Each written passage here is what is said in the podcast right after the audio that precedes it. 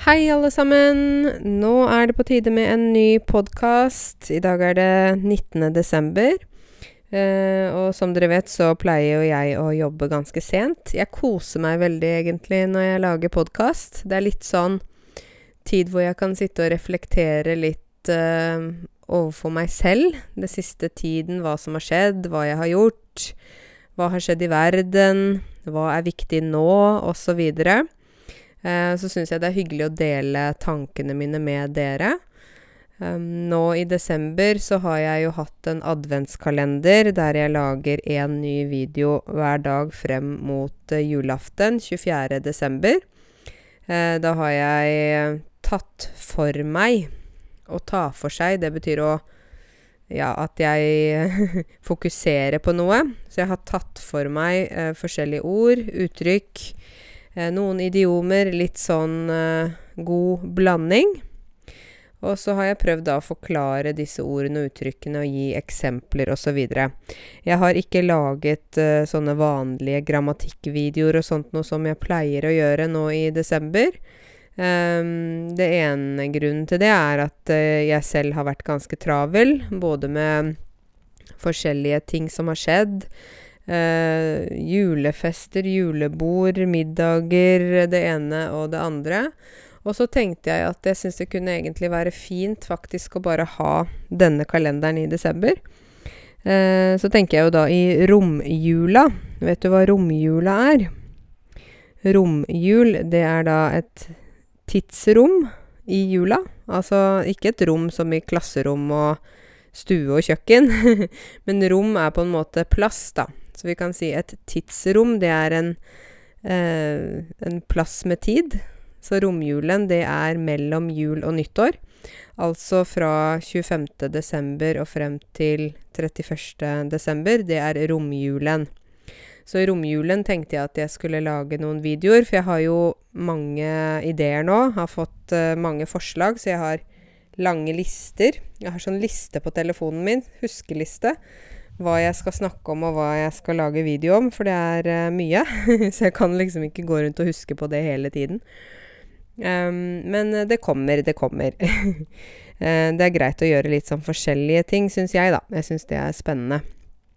Uh, det har vært en fin desember. Jeg har vært på en del julebord, en del fester, en del forskjellige aktiviteter. Så Desember pleier å være ganske travel for de fleste av oss. Og så er det noen som sier ja, men jeg feirer ikke jul, så desember er ikke viktig for meg. Men desember blir viktig for deg når du bor i Norge, i hvert fall. For her i Norge så er det sånn at på en måte alle feirer jul selv om de ikke er kristne. Altså, det bare blir sånn. Jeg kjenner jo mange innvandrere som har bodd lenge i Norge. Og de eh, begynner etter hvert med egne juletradisjoner. Eh, fordi, rett og slett fordi det er en sånn familietid. Det er en tid da vi eh, liker å være sammen med de vi er glad i. Om det er venner, familie, naboer, kollegaer Ja, men vi er ofte sammen med de som står oss veldig nær. At noen står deg nær, det betyr at de er veldig nær deg i livet ditt, da. For eksempel min mamma og min søster, de står meg veldig nær. For det er jo den nærmeste familien min, ikke sant? Men jeg har jo også venner som står meg nær, og jeg har noen kollegaer som står meg nær, osv. Eh, jula for meg er en tid til ettertanke.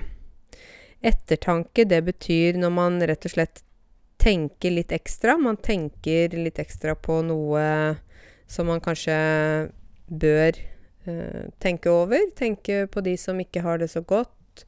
Tenke på de som er ensomme, de som trenger hjelp, osv. Selvfølgelig så skal man jo alltid tenke på forskjellige eh, mennesker, det er ikke det, men jeg tror desember og jula er en sånn tid da man tenker kanskje ekstra mye på det. Um, det er ikke alle som har noen å være sammen med i jula. Um, det er jo en del folk som er ensomme også. Uh, og jeg selv, jeg er litt sånn tilhenger av å åpne opp hjemmet mitt for også de som ikke står meg så nær, hvis du skjønner. Å være tilhenger av noe betyr at man er veldig Man liker noe, da. Så jeg er tilhenger av også f.eks. å invitere en bekjent eller en kollega som du ikke kjenner så godt, som du vet er litt ensom. Um, fordi de som har familie, de har jo familie. Så de har på en måte ikke den uh, bekymringen. Men de som er helt alene, de har jo ingen. Uh, og særlig nordmenn som da er veldig opptatt av jul. Og jeg tror uansett om du har masse familie, om du er alene, om du uh, f.eks. Uh, vi har jo noen som bor på gata her i Norge, av nordmenn. så tror jeg alle kjenner på dette her når julen kommer, at nå skulle jeg vært inne i et varmt hjem. Eh, jeg skulle hørt på julemusikk, jeg skulle spist god mat. Og så hvis man da sitter alene, så syns jeg det er veldig trist, egentlig. Så jeg eh, tar ofte og inviterer folk jeg vet er litt ensomme, til meg i jula. For at eh, de også skal få en følelse av den gode julestemningen, da, som, som alle leter etter. Um, jula er jo veldig fin. Det er en vakker tid, syns jeg. Det er mørkt, det er snø, det er masse lys osv. Um, men det er ikke alle som har det like lett i jula. En del barn er redde i jula. Og da kan du tenke hvorfor er de redde? Hva er barna redde for? Vel, det er en del familier der det blir mye alkohol i jula. Der uh, foreldrene drikker mye. Det kan være onkler og tanter, det kan være besteforeldre, eh, brødre og søstre som eh, drikker mye, og så begynner de da å krangle. Det er jo en familietid, ikke sant, og det er jo ikke sånn at uh, det er bare lett med familie. Det vet vi alle. Uh, det er jo ikke sånn at man er bestevenner med alle i familien, selv om man uh, er i familie. Um, så det er en del familier der det blir krangler, diskusjoner eh, osv. i løpet av jula, og gjerne da i kombinasjon med alkohol, så kan en del barn eh, bli veldig redde, uh, ha dårlige minner fra jula. Så um, da er det jo sånn at barnevernet f.eks. jobber jo døgnet rundt uh, i jula. Å jobbe døgnet rundt betyr å jobbe 24 timer. Um, og så er det mange som tenker ja, barnevernet, barnevernet. Um, jeg må bare si at jeg er veldig Jeg er litt lei, sliten av å høre folk som klager over barnevernet. Um, grunnen til det er at jeg, jeg har selv samarbeidet med barnevernet i mange år fordi jeg er lærer, og fordi jeg da naturligvis har uh, jobbet med barn som har det vanskelig. Um, det er veldig lett å si 'Å, barnevernet kommer og tar barna'. Men det stemmer ikke. Det stemmer ikke at barnevernet kommer direkte og tar barn dersom det ikke er eh, risiko og fare for helse og liv, og der man vurderer situasjonen til så alvorlig at barnet ikke kan være i huset. Da snakker vi om eh, vold, ikke sant, når, når noen blir slått. Altså ikke én gang, altså systematisk. Vi snakker om eh, bruk av narkotika ko kokain, heroin, sprøyter, piller, ikke sant? Um, vi snakker om uh, alkohol. Vi snakker om seksuelt misbruk. Um, og sånne type ting, det er det som de regner som alvorlig grad. Og da må de ta barna. Selvfølgelig. Uh, jeg er veldig glad for at vi har barnevern i Norge. Uh, det finnes jo veldig mange land rundt i verden der det ikke finnes noe eh, statlig eh, organ. Vi kaller det for et organ, men det er jo egentlig en, en del av staten, da, som beskytter barn. Altså da er man prisgitt den familien man får. Det å være prisgitt, det betyr at man er heldig hvis familien din er, god, og så er man uheldig hvis familien ikke er god, ikke sant? Så man er prisgitt sine foreldre. Uh, jeg har jo snakket om dette her tidligere, men jeg, jeg føler at jeg, jeg, får ikke snakket om det nok. For jeg har, har, hørt så mange historier der mange innvandrere sier 'Å, barnevernet, de kommer bare og tar barna med en gang', og 'sånn er det', osv. Det er ikke sånn. Barnevernet kan faktisk også hjelpe mange familier. For det de ønsker, er jo at barna skal være hos foreldrene sine. Det er jo det som er det optimale dersom foreldrene er velfungerende. Å være velfungerende betyr at man, ja Man tar ansvar for barna. Man eh, gir barna mat. Man eh, vasker barna. Tar på de rene klær. eh, sørger for at de har det de trenger. Barna får lov til å sove. De får lov til å leke. De får lov til å ha det gøy, ha det bra. Få hjelp med skolearbeid. Sånne ting. Men i hjem der disse tingene ikke blir fulgt opp, altså det å følge opp, betyr at man må ta ansvar. Hvis ikke sånne ting blir tatt ansvar for, da begynner man etter hvert å snakke om det som vi kaller for omsorgssvikt. Og omsorgssvikt, det betyr da når man eh, på en måte ikke har tar ordentlig ansvar og ikke har den omsorgen man bør ha som foreldre. Da svikter omsorgen. At noe svikter, betyr at det på en måte blir ødelagt, eller det faller, eller ja. Um, jeg kan jo fortelle dere noen historier, da, sånn at jeg kan gi dere noen perspektiver, kanskje, på dette med barnevernet. Um, for jeg opplever jo at veldig mange innvandrere Ikke alle, selvfølgelig. Altså Dere vet jo selv hvem dere er hvis dere er sinte på barnevernet, eller hvis dere tenker at barnevernet er noe bra. Altså, det er jo veldig forskjellig fra person til person. Og hva slags opplevelser man har hatt i forhold til det. Så vil jeg også si det at uh, på barnevernet jobber det mennesker, og mennesker kan gjøre feil. Så jeg sier ikke at barnevernet er helt perfekt og feilfritt, men jeg sier at de er først og fremst der for barna, ikke for de voksne. Så dette er da, som jeg sa, et statlig organ som først og fremst beskytter barn. Det skal ikke beskytte de voksne, for de voksne er voksne. Barna er de som trenger hjelp, ikke sant? Ok, la meg nå fortelle noen historier for å illustrere for dere hvorfor jeg er glad for at barnevernet finnes.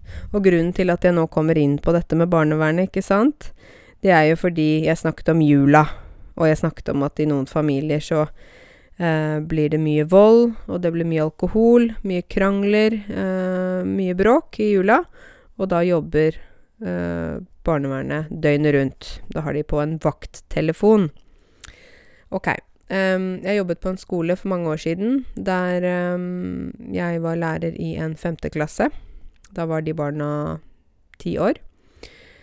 Um, det var en veldig fin klasse. Veldig fine elever, søte barn. Mm, ja, jeg hadde god orden i klassen. Alle barna var flinke og hyggelige, og foreldrene var hyggelige og sånn. Men så var det én jente som uh, jeg etter hvert uh, utover den høsten, da vi begynte som deres lærer i, i, august, ikke sant. Og så utover høsten så begynte jeg å se det at hun eh, Først, jeg hadde ikke egentlig sett det med en gang. Jeg hadde ikke lagt merke til det. Men hun hadde nok, og ikke bare fra det året jeg begynte å være læreren hennes, men også andre år um, Hun gikk med møkkete klær, altså klær som ikke var vasket. Hun uh, hadde ustelt hår. Hvis håret er ustelt, så betyr det at det ikke er børstet, ikke vasket. Håret er ikke fint, rett og slett. Um, hun hadde møkkete ansikt. Altså hun ikke, hadde ikke dusja, hadde ikke vaska seg. Hun luktet urin. Så hun hadde kanskje ja, ikke bytta truse, eller jeg vet ikke. Uh, og når hun skulle spise, så åpna hun ofte matboksen, og der var det kanskje to brødskiver. Tjukke brødskiver. Uh, med kanskje bare noe ost. Altså det så ikke ut som det var noen som hadde hjulpet henne med å lage matpakke.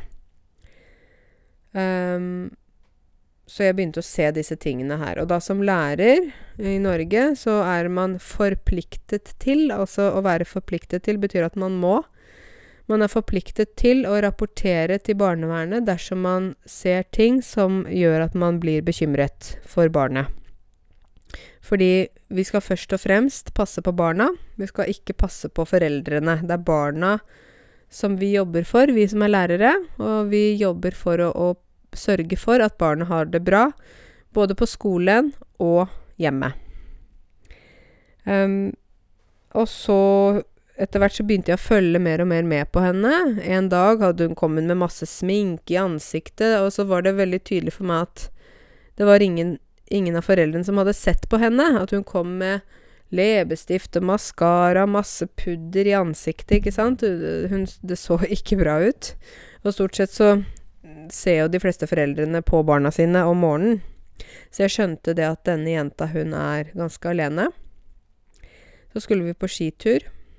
Da hadde de andre barna vanlige ski. Hun kom med gamle treski, altså sånne ski som vi brukte for, jeg vet ikke, um, 50 år siden. Ski man ikke bruker. Altså det var tydelig at hun ikke hadde fått ski sånn som de andre. Og hun hadde problemer med å gå på de skiene fordi snøen bare festet seg under skiene, ikke sant. Um, og så var det en gang jeg snakket med henne, så sa hun det. Ja, du vet, Karense, når jeg er på ferie med pappa, da vil Og det var pappaen hennes da moren og faren var skilt, så hun bodde hos, både hos moren og faren. Så sa han ja, da liker pappa at jeg og han Vi må sove i samme seng, og jeg kan ikke ha på meg klær og sånne ting. Og da skjønte jeg med en gang her er det uh, ting som ikke er som de skal. Da måtte jeg rapportere med en gang til uh, barnevernet, og jeg sa det at her er det mistanke om incest. Det snakket jeg om i forrige podkast. Det, det, gjelder da når man har seksuell uh, kontakt med familiemedlemmer. Gjerne veldig nære familiemedlemmer. Og jeg rapporterte. Barnevernet ble kontaktet, og da ble eh, både moren og faren kalt inn på møte. De møtte ikke opp. Uh, moren uh, Det viste seg at hun var veldig sterkt deprimert, så hun klarte ikke å gjøre noe. Hun lå bare på sofaen hele dagen.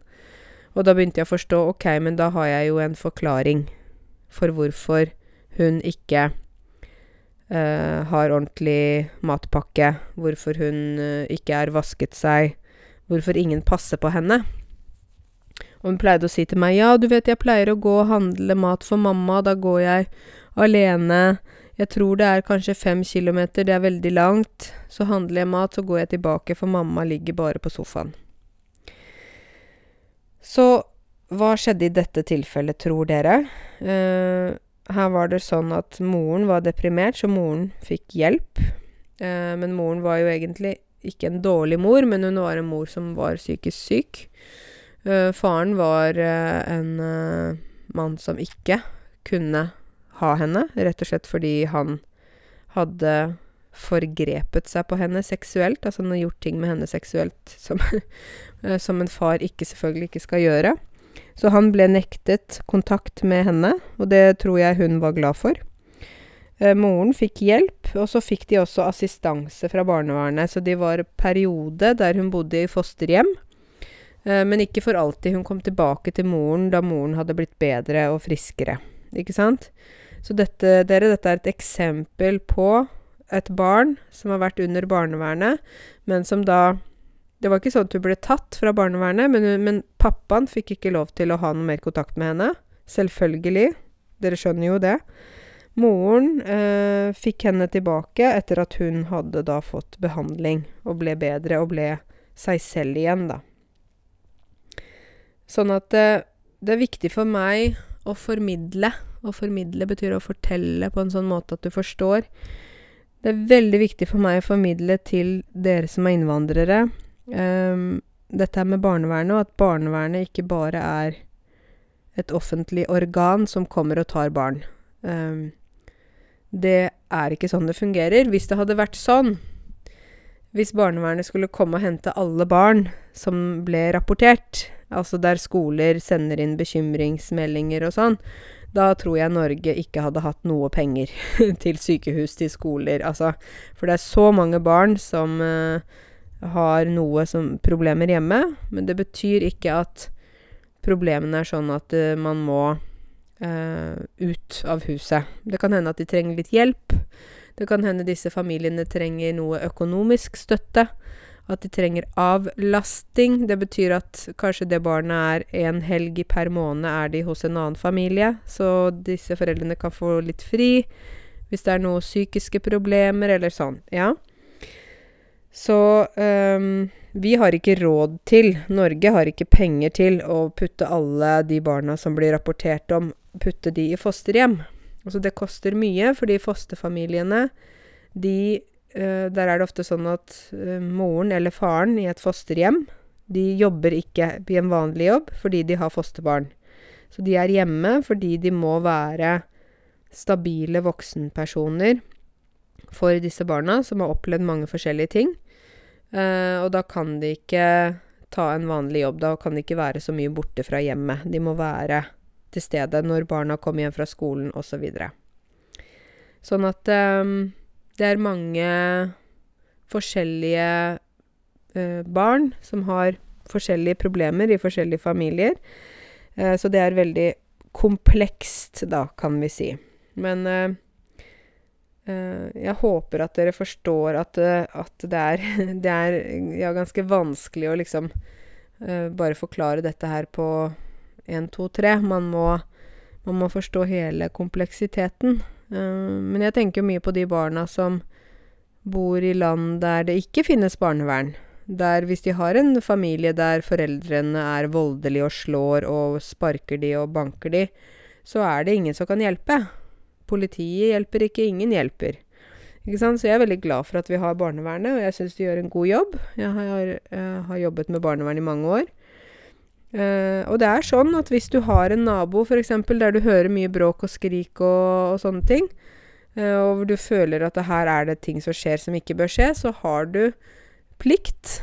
Plikt, det betyr at du må. Du må rapportere. Fordi at det, som en samfunnsborger, en person som er medlem av samfunnet, det er du automatisk når du bor i et samfunn, så må du også rapportere ting du, der du tror at f.eks. det er et barn som ikke har det bra. Så sånn er det bare. Dette var et hjertesukk fra meg. et hjertesukk betyr at jeg gjør sånn Sånn, men fra hjertet. At det liksom kommer liksom bekymring fra hjertet mitt, da. Men uh, ja, nok om, uh, nok om, det. Jeg ville bare at dere skulle vite det. Håper dere skjønner det. jeg tenker jo at det er såpass mange som hører på denne podkasten, at det kan jo være en måte som jeg kan på en måte lære dere ting som kanskje andre lærere, andre nordmenn ikke forteller dere eller ikke tar opp, eller ikke tør å snakke om, eller Ja. Og så er det jo også sånn at i denne podkasten så er det bare jeg som snakker, så jeg kan snakke uten at noen skal avbryte meg og stoppe meg. Selvfølgelig kan du sette på pause hvis du ikke vil høre, eller du kan stoppe, men eh, når jeg lager podkast, så er det jeg som snakker om et tema, da. Og så, ja, går jeg videre på det. Um, det var noen som spurte om jeg kunne snakke om uh, Nobels fredsprisvinnerne for i år. For vi har jo i Norge så har vi jo Nobels fredspris, det vet dere kanskje. Fredsprisen blir delt ut hvert år til mennesker som har gjort noe stort innenfor f.eks.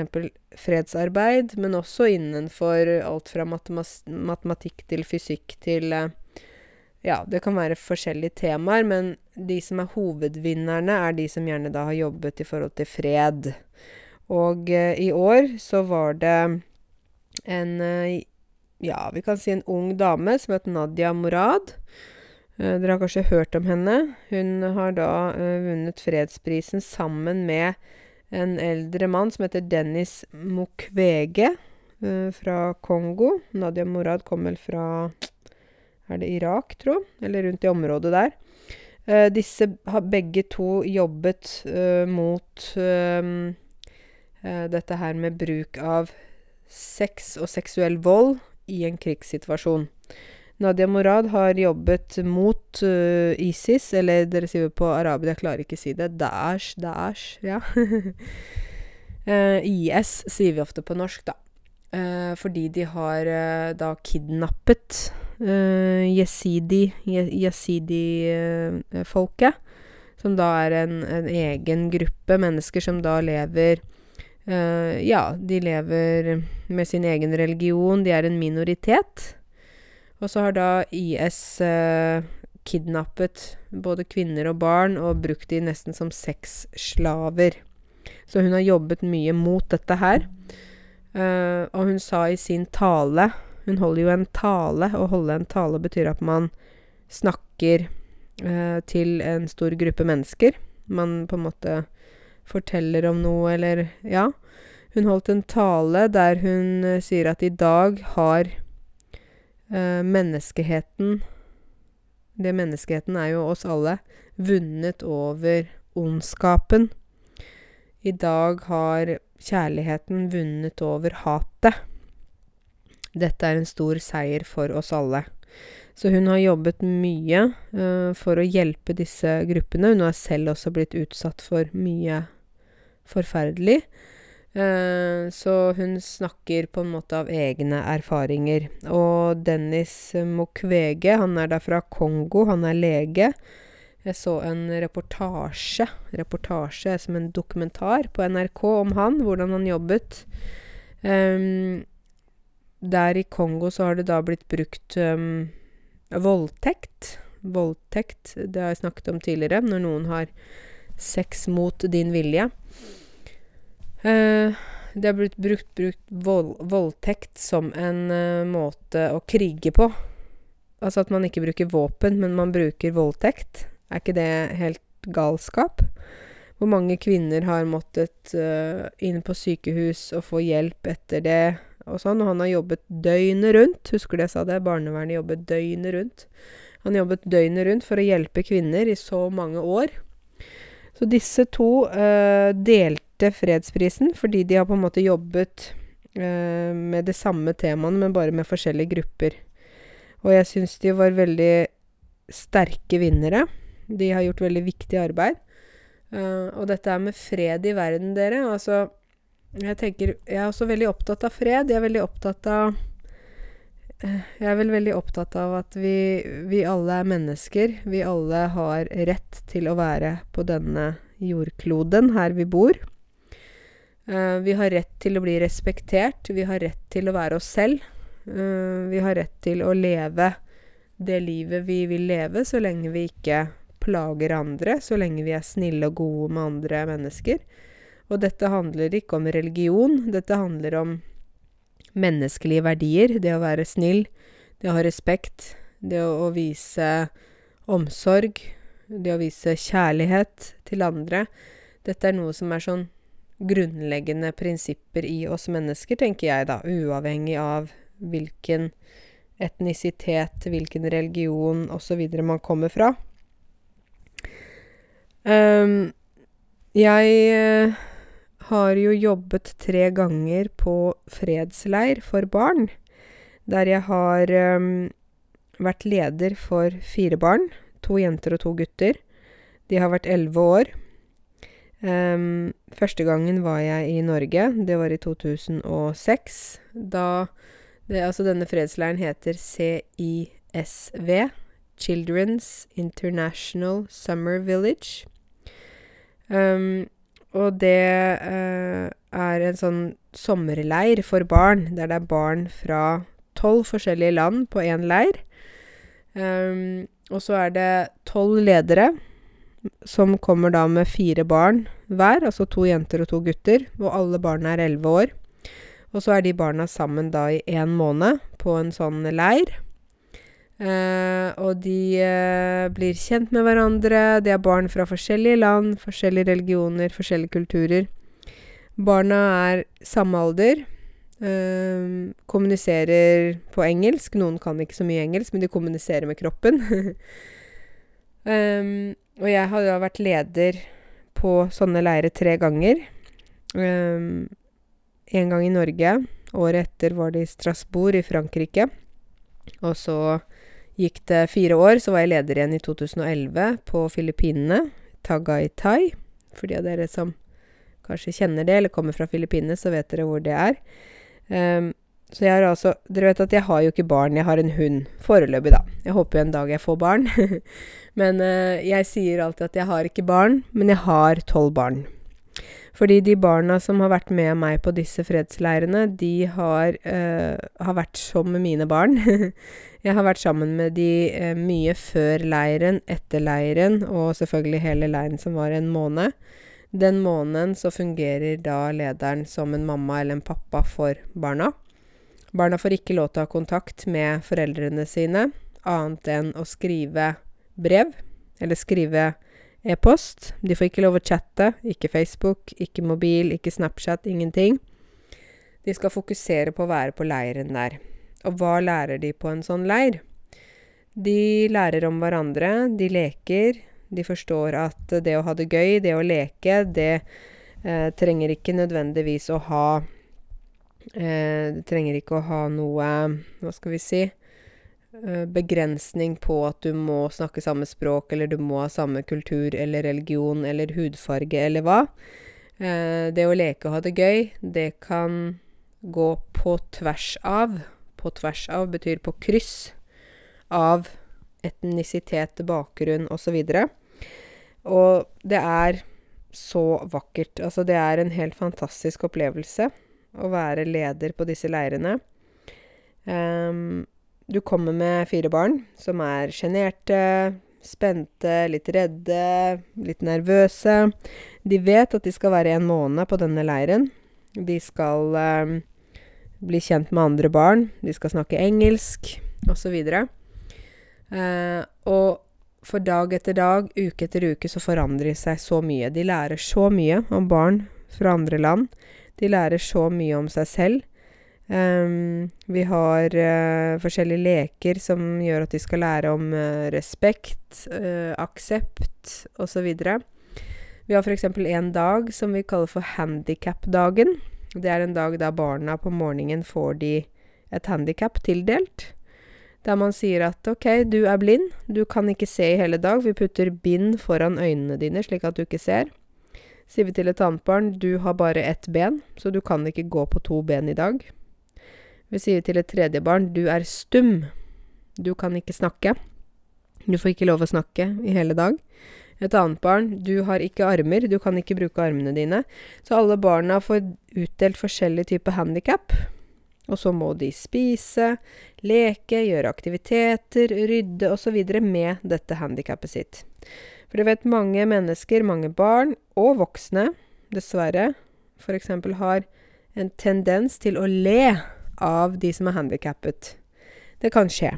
Fordi man er usikker, man ikke Ja, man er, ikke vet hvordan man skal takle det. Men etter en sånn dag, stol på meg, disse barna får så respekt for de som er handikappet, som sitter i rullestol, som ikke kan gjøre alle ting sånn som de som uh, er funksjonsfriske, uh, de som ikke er handikappede, kan gjøre. De lærer så mye, uh, og de forstår at OK, jeg var handikappet én dag. Jeg hadde én fot én dag. Men når denne dagen er over, da har jeg begge føttene mine igjen i morgen. De som er handikappet, har ikke det. De må leve sånn.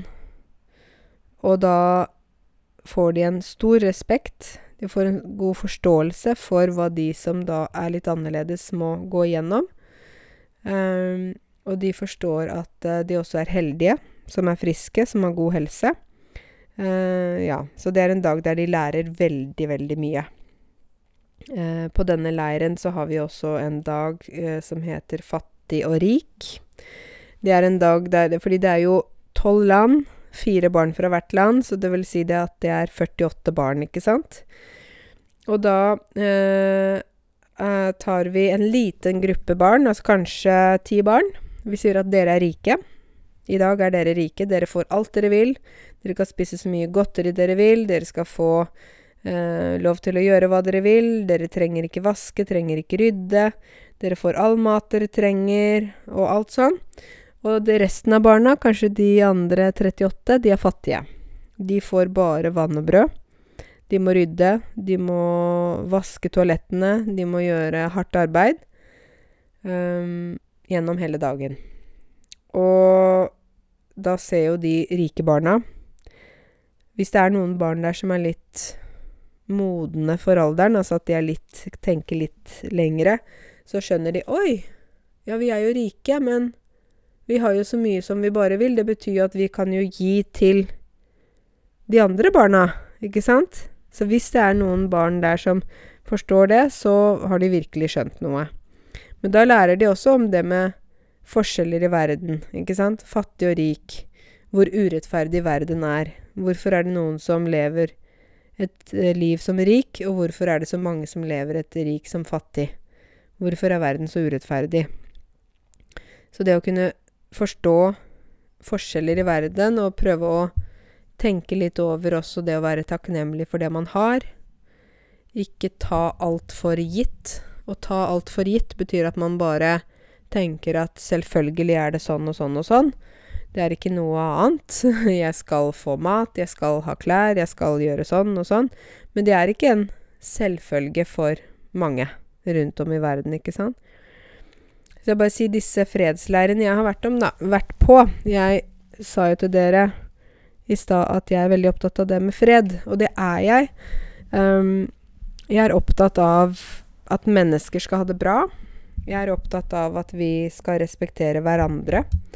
Um, jeg syns det er veldig flott når vi kan være forskjellige mennesker fra forskjellige bakgrunner og fortsatt fungere sammen. Um, det som kan gjøre meg sint, det er um, urettferdighet. Det gjør meg veldig sint, faktisk. Da blir jeg veldig uh, opprørt. Å bli opprørt betyr at man blir veldig frustrert. Um, jeg tåler ikke rasisme. Å ikke tåle noe betyr at man absolutt ikke aksepterer noe. Jeg tåler ikke rasisme. Jeg klarer ikke å høre på rasistiske utsagn hvis noen sier ja eh, Altså om, om, andre grupper, da. Eh, rasisme går jo ikke bare på hudfarge. Rasisme går på religion, bakgrunn, etnisitet, eh, språk, hvordan man ser ut, osv. Hvis noen da sier ja, de som kommer fra det landet er sånn, eller de som kommer fra den gruppa, de er sånn, uten at de har eh, grunn til å si det, det gjør meg opprørt. Da blir jeg det, det, klarer jeg ikke, og da må jeg si noe. jeg er en veldig fredelig person som eh, ikke ønsker å lage noe bråk eller noe sånt, men jeg har en sterk rettferdighetssans. Eh, å ha en sterk rettferdighetssans, det betyr at det er veldig viktig med rettferdighet for den personen. Så Sånn har jeg vært siden jeg var liten. Hvis det var noe som var urettferdig da jeg var barn, så reagerte jeg også kraftig. Det samme gjør jeg i dag. Um, jeg synes at vi mennesker må være ydmyke. Kjenner du det ordet? Ydmyk. Y. Ikke I, altså, men Y. Y-D-M-Y-K. Ydmyk. Det å være ydmyk for at det er veldig mye vi ikke vet. Det er veldig mye vi ikke forstår. Um, det syns jeg er veldig viktig. Hvis man kan være ydmyk, man kan være åpen for at det er mye vi ikke vet, så føler jeg at vi uh, kan komme mye lengre enn om vi tror at vi vet alt, eller tror at vi er kongen eller dronningen av verden. vi må være ydmyke og forstå at det er mye vi ikke vet, ikke sant? Og at vi også kan lære mye av hverandre. Og folk kan overraske, tro du meg. Um, jeg syns jo det er så gøy med mennesker fra forskjellige land. Uh, jeg syns det er gøy med dere. dere kommer jo fra mange forskjellige land, har mange forskjellige bakgrunner. Jeg føler at Norge blir et rikere land ved at dere bor i Norge. Uh, uten dere så blir Norge et kjedelig land, syns jeg. Fordi da er alle like, og alle snakker samme språk, og alle har samme bakgrunn og Ja, mange nordmenn er jo litt sånn som flokkdyr. Flokk. Flokk betyr at dyr som går sammen. Ikke sant? For eksempel kuer, de går ofte sammen. Sauer, de går sammen. Eh, og mange nordmenn liker å gjøre det samme. Liker å være litt like. Så hvis vi ikke har noen innvandrere i Norge, så blir Norge et veldig sånn eh, homogent eh, samfunn. Homogent betyr likt. Um, så jeg er veldig glad for at vi har folk fra forskjellige land i Norge. Jeg syns det er en stor gave til oss. Um, jeg blir veldig sint når politikere, når uh, enkelte mennesker sier 'nei, disse innvandrerne, vi må sende de ut' og sånn. Da, da blir jeg så sint at det koker inni meg. når det koker, så Jeg blir helt jeg blir veldig Jeg blir ikke bare sint, jeg blir forbanna. Fordi jeg føler at uh, folk som sier det, de har ingen grunn til å si det, og de har heller ingen erfaring med innvandrere. Um, og da, hvis noen sier sånn, og jeg er i nærheten, da sier jeg fra. Da sier jeg veldig tydelig hva jeg mener. Så jeg forsvarer dere, da, kan du si. Nei da. Men jeg bare, jeg bare syns at uh, vi trenger eh, forskjellige mennesker. Ikke sant? Ikke bare i Norge, men i alle land. F.eks. hvis du tenker på en arbeidsplass, da. Hvis vi da har bare mennesker fra samme land, så vil man ikke få så mye utvikling. Ikke sant? Fordi alle tenker likt. Har man da mennesker fra forskjellige land i, på en arbeidsplass, så vil man ha mennesker som har forskjellige ideer og tanker om ting, og man vil også da få eh, bedre resultater fordi man kommer frem til forskjellige kreative løsninger, ikke bare det samme hele tiden, ikke sant? Så jeg tenker det at eh, vi trenger dere. Dere trenger kanskje oss. Vi trenger hverandre. Eh, og hvis, hvis, nordmenn og innvandrere kan eh, leve sammen i fred og harmoni Nå høres dette veldig sånn klisjé ut. Klisjé er noe som er sånn Ja, sånn romantisk. Men det er en sånn drøm jeg har, da. Ikke sant? Jeg har en sånn drøm om det at folk kan prøve å forstå hverandre bedre, leve sammen, eksistere sammen. Sameksistens. Ikke bare at uh, nordmenn er der og innvandrere er der. Altså, jeg sier jo ikke at alle nordmenn er sånn, for det er det absolutt ikke. Men jeg ønsker jo et samfunn som er inkluderende. Vi snakker mye om det å være integrert.